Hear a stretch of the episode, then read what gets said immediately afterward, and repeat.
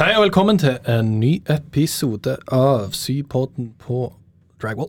Eh, vi er ennå i eh, biologiens verden, altså biopodden. Uh, kjempesuksess, håper vi, foreløpig. Det vet jeg ikke ennå, vi har ikke publisert alle, men forhåpentligvis kjempesuksess. Vi har ennå med oss eh, Mikkel og Jo, eh, og i dag så skal vi rett og slett ta dere med på en liten reise gjennom LTP.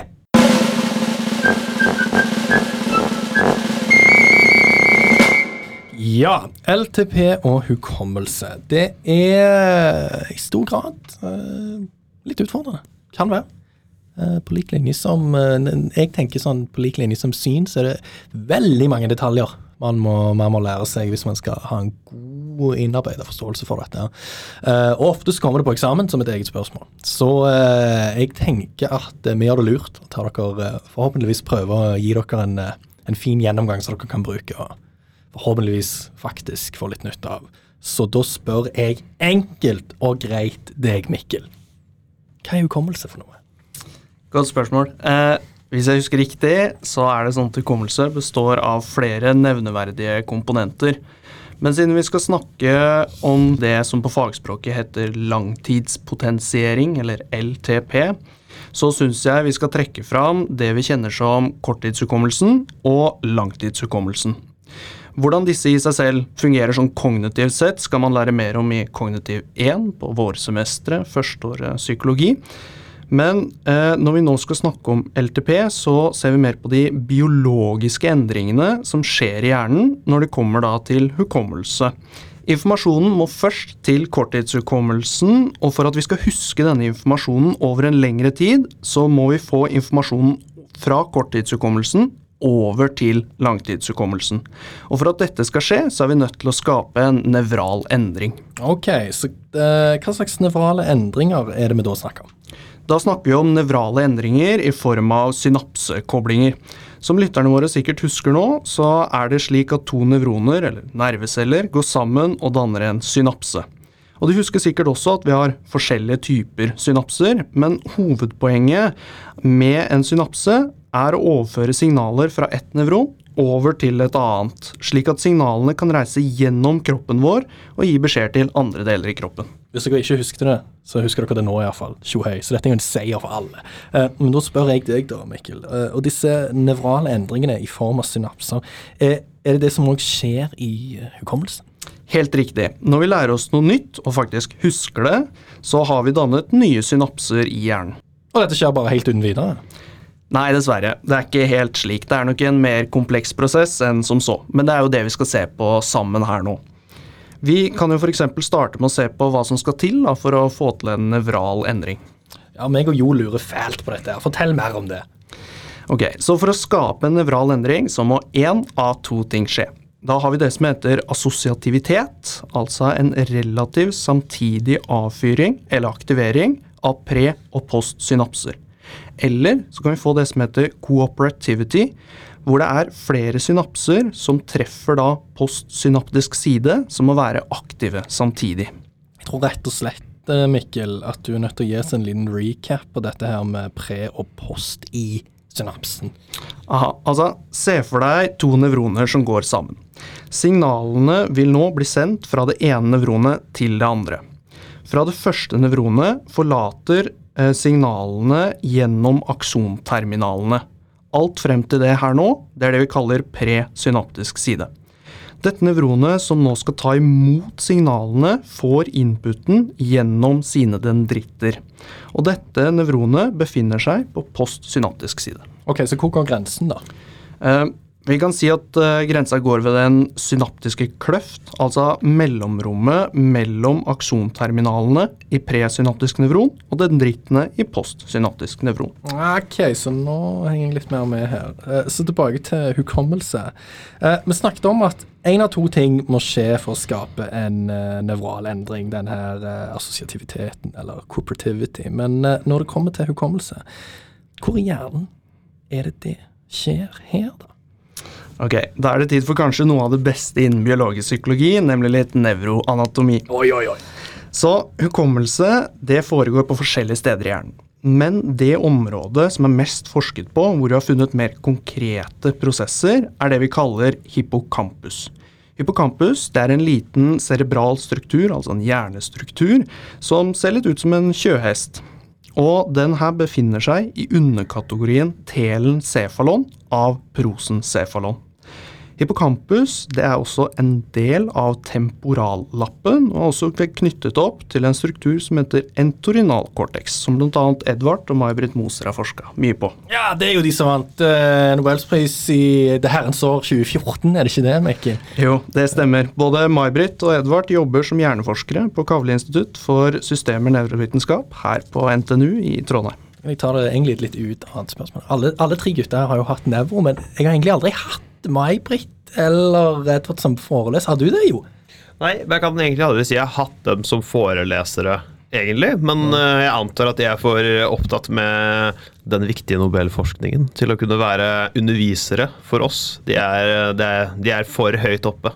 De er guder for oss som er studenter. Jeg kan ta en liten sånn side story, for alle gode podkaster har en side story. Vi, skal, vi, kan kalle denne personen person X uten å gi navn, men um, han hadde jeg uh, nevro med da i, i fjor.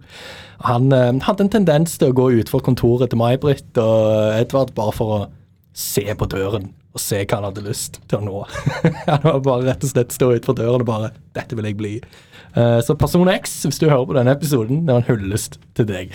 Uh, videre um, så ser jeg at jeg har skrevet her 'tøft'. For nå vet vi det. så uh, nå som vi vet litt mer om hvor hippocampus ligger, så det er jo herlig. Men kanskje du forteller oss litt mer om disse nevrale endringene som gjør at hukommelsen min fungerer? Selvfølgelig. Dette er slik hukommelsen til alle personer faktisk fungerer. Denne prosessen med å lage ting, lagre ting i hukommelsen, er det vi kaller for LTP. Og vi kan skille mellom det vi kaller tidlig fase-LTP og sen fase LTP. Så nå tenkte jeg vi kunne ta en litt uh, nærmere titt på det som heter tidlig fase LTP, og så kan jo Jo få lov til å gi uh, dere en av, de, en av, hans gode forklaringer på den sene fasen etter hvert. Desken Jo, er du forberedt på å gi gass? jeg er så forberedt, og jeg, kom, jeg, regner med at så mange kommer til å bli forvirra når de hører meg snakke. Denne podkasten trenger sånne små hype moments underveis, så det er bare deilig, det. Det høres veldig bra ut, eh, Mikkel Norgesbrand, men uh, i Mikkel, hva skjer i den tidlige fasen LTP? Altså den tidlige fasen av det å danne et nytt minne. Er det en bedre måte å si det på? Ja, eh, altså vi, eh, La oss tenke at vi da har en synapse. Som de aller fleste synapser så har vi reseptorer på postsynaptisk side. Ja, Det var jo disse to typene ionotroper og metabotroper-reseptorer. Helt riktig, Alex. Nå begynner du å få dreisen på det. Ja, det er bra. Nå kommer det seg. og når vi snakker om hukommelse, altså LTP, så finner vi to typer reseptorer på postsynaptisk side. Og disse heter AMPA, AMPA eller NMDA. NMDA, rett fra. Ærlig at du sa det to ganger. Ok, så hva, hva er det som er så spesielt med, med, disse? Det er ikke noe som er sånn veldig spesielt og særegen med disse reseptorene, men det som kjennetegner de, er at AMPA-reseptoren den er glutamatavhengig og slipper inn natrium, Na+. Og altså den er avhengig av denne nevrotransmitteren glutamat for å kunne åpnes og da slippe natrium gjennom. Mens denne NMDA-reseptoren den er også glutamatavhengig, men den slipper inn natrium, Na+, og kalsium, Ca2+.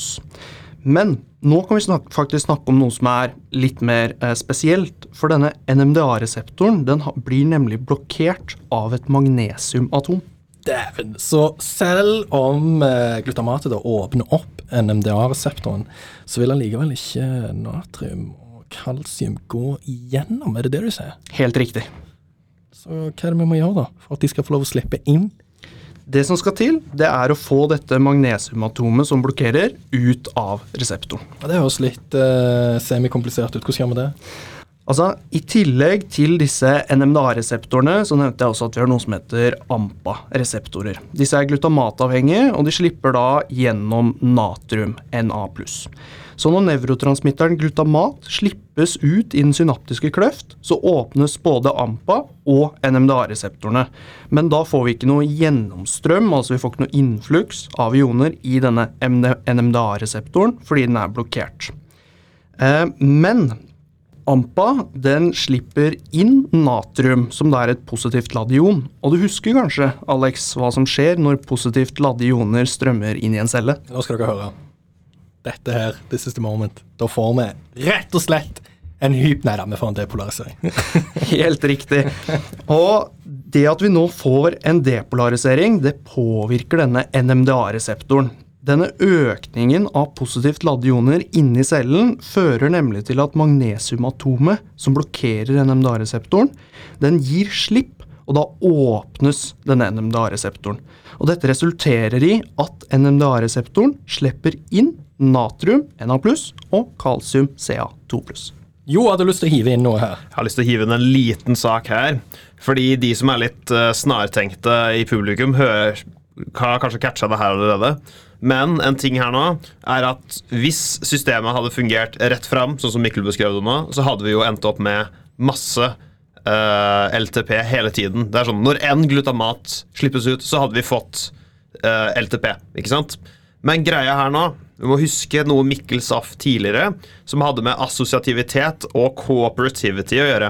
Fordi dette magnesiumionet som blokkerer for kanalen, for NMDA-reseptoren, uh, den vil kun gi slipp om vi får en sterk nok depolarisering. Og det krever gjentatte signaloverføringer, gjentatt innslipp av natrium og mange nevroner som fyrer til samme postsynapse. Så kun sånn kan vi få LTP.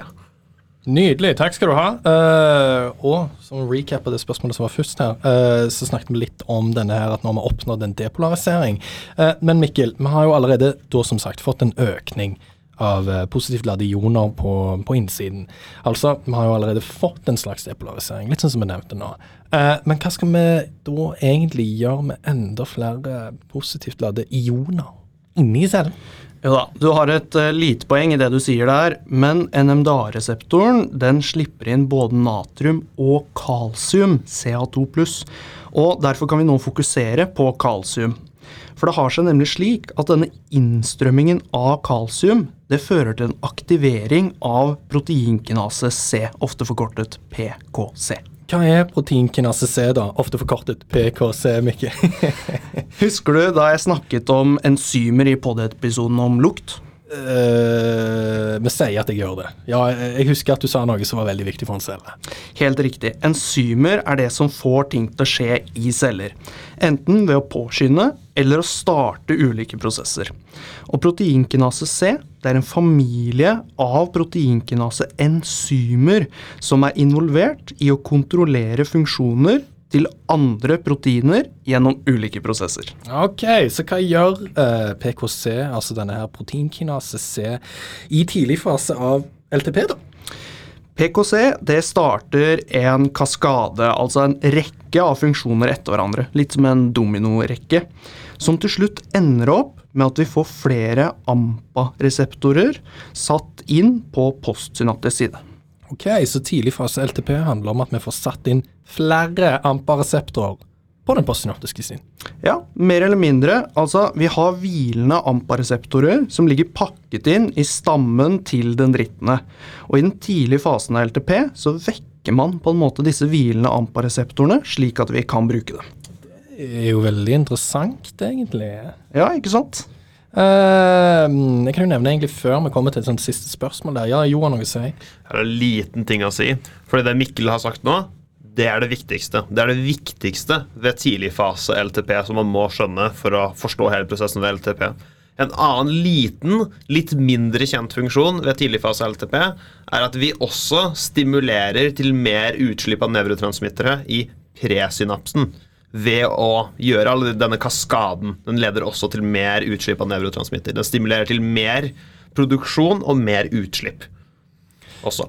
Ja, øh, og hele denne prosessen som Mikkel nevnte mot slutten her òg, går jo inn i selve cellestrukturen, eller cellekjernen, for å gjøre rett og slett en, en, hva skal vi si, en slags forandring i DNA-et til molekylet, egentlig, i stor grad. Så det er òg Hvis dere trenger liksom en sånn, en sånn visualisering hva som egentlig skjer her. Så kan kanskje det være med å hjelpe litt, da, eventuelt. Men uh, absolutt anbefalt å se på sånne gode bilder og illustrasjoner i, uh, i boka deres. Så ser dere det så Spesielt det som Jo nevnte sist her, med denne ekstra fyringen som åpner flere kanaler på, på presynaptisk side i tillegg, og utslipp der. Uh, men òg denne kaskaden. Den er god å øve på med å tegne. Men da har jeg Er det en, egentlig et siste spørsmål til deg her, Mikkel, når det kommer til første episoden her? Er det noe siste ting som vi må vite om denne tidlige fasen av LTP? Mm, altså, Det kan være greit å merke seg at denne tidlige fasen av LTP den kommer først som en midlertidig løsning i vente på nye nevrale konstruksjoner. For den sene fasen av LTP den kan ofte ta flere timer. Og den prosessen den er litt mer kompleks enn den tidligere fasen. Siden den er så kompleks, er vi rett og slett nødt til å hive stafettpinnen til Jo, men det får dere faktisk ikke høre før dere slenger dere over på del to. Og med det så sier vi følg med.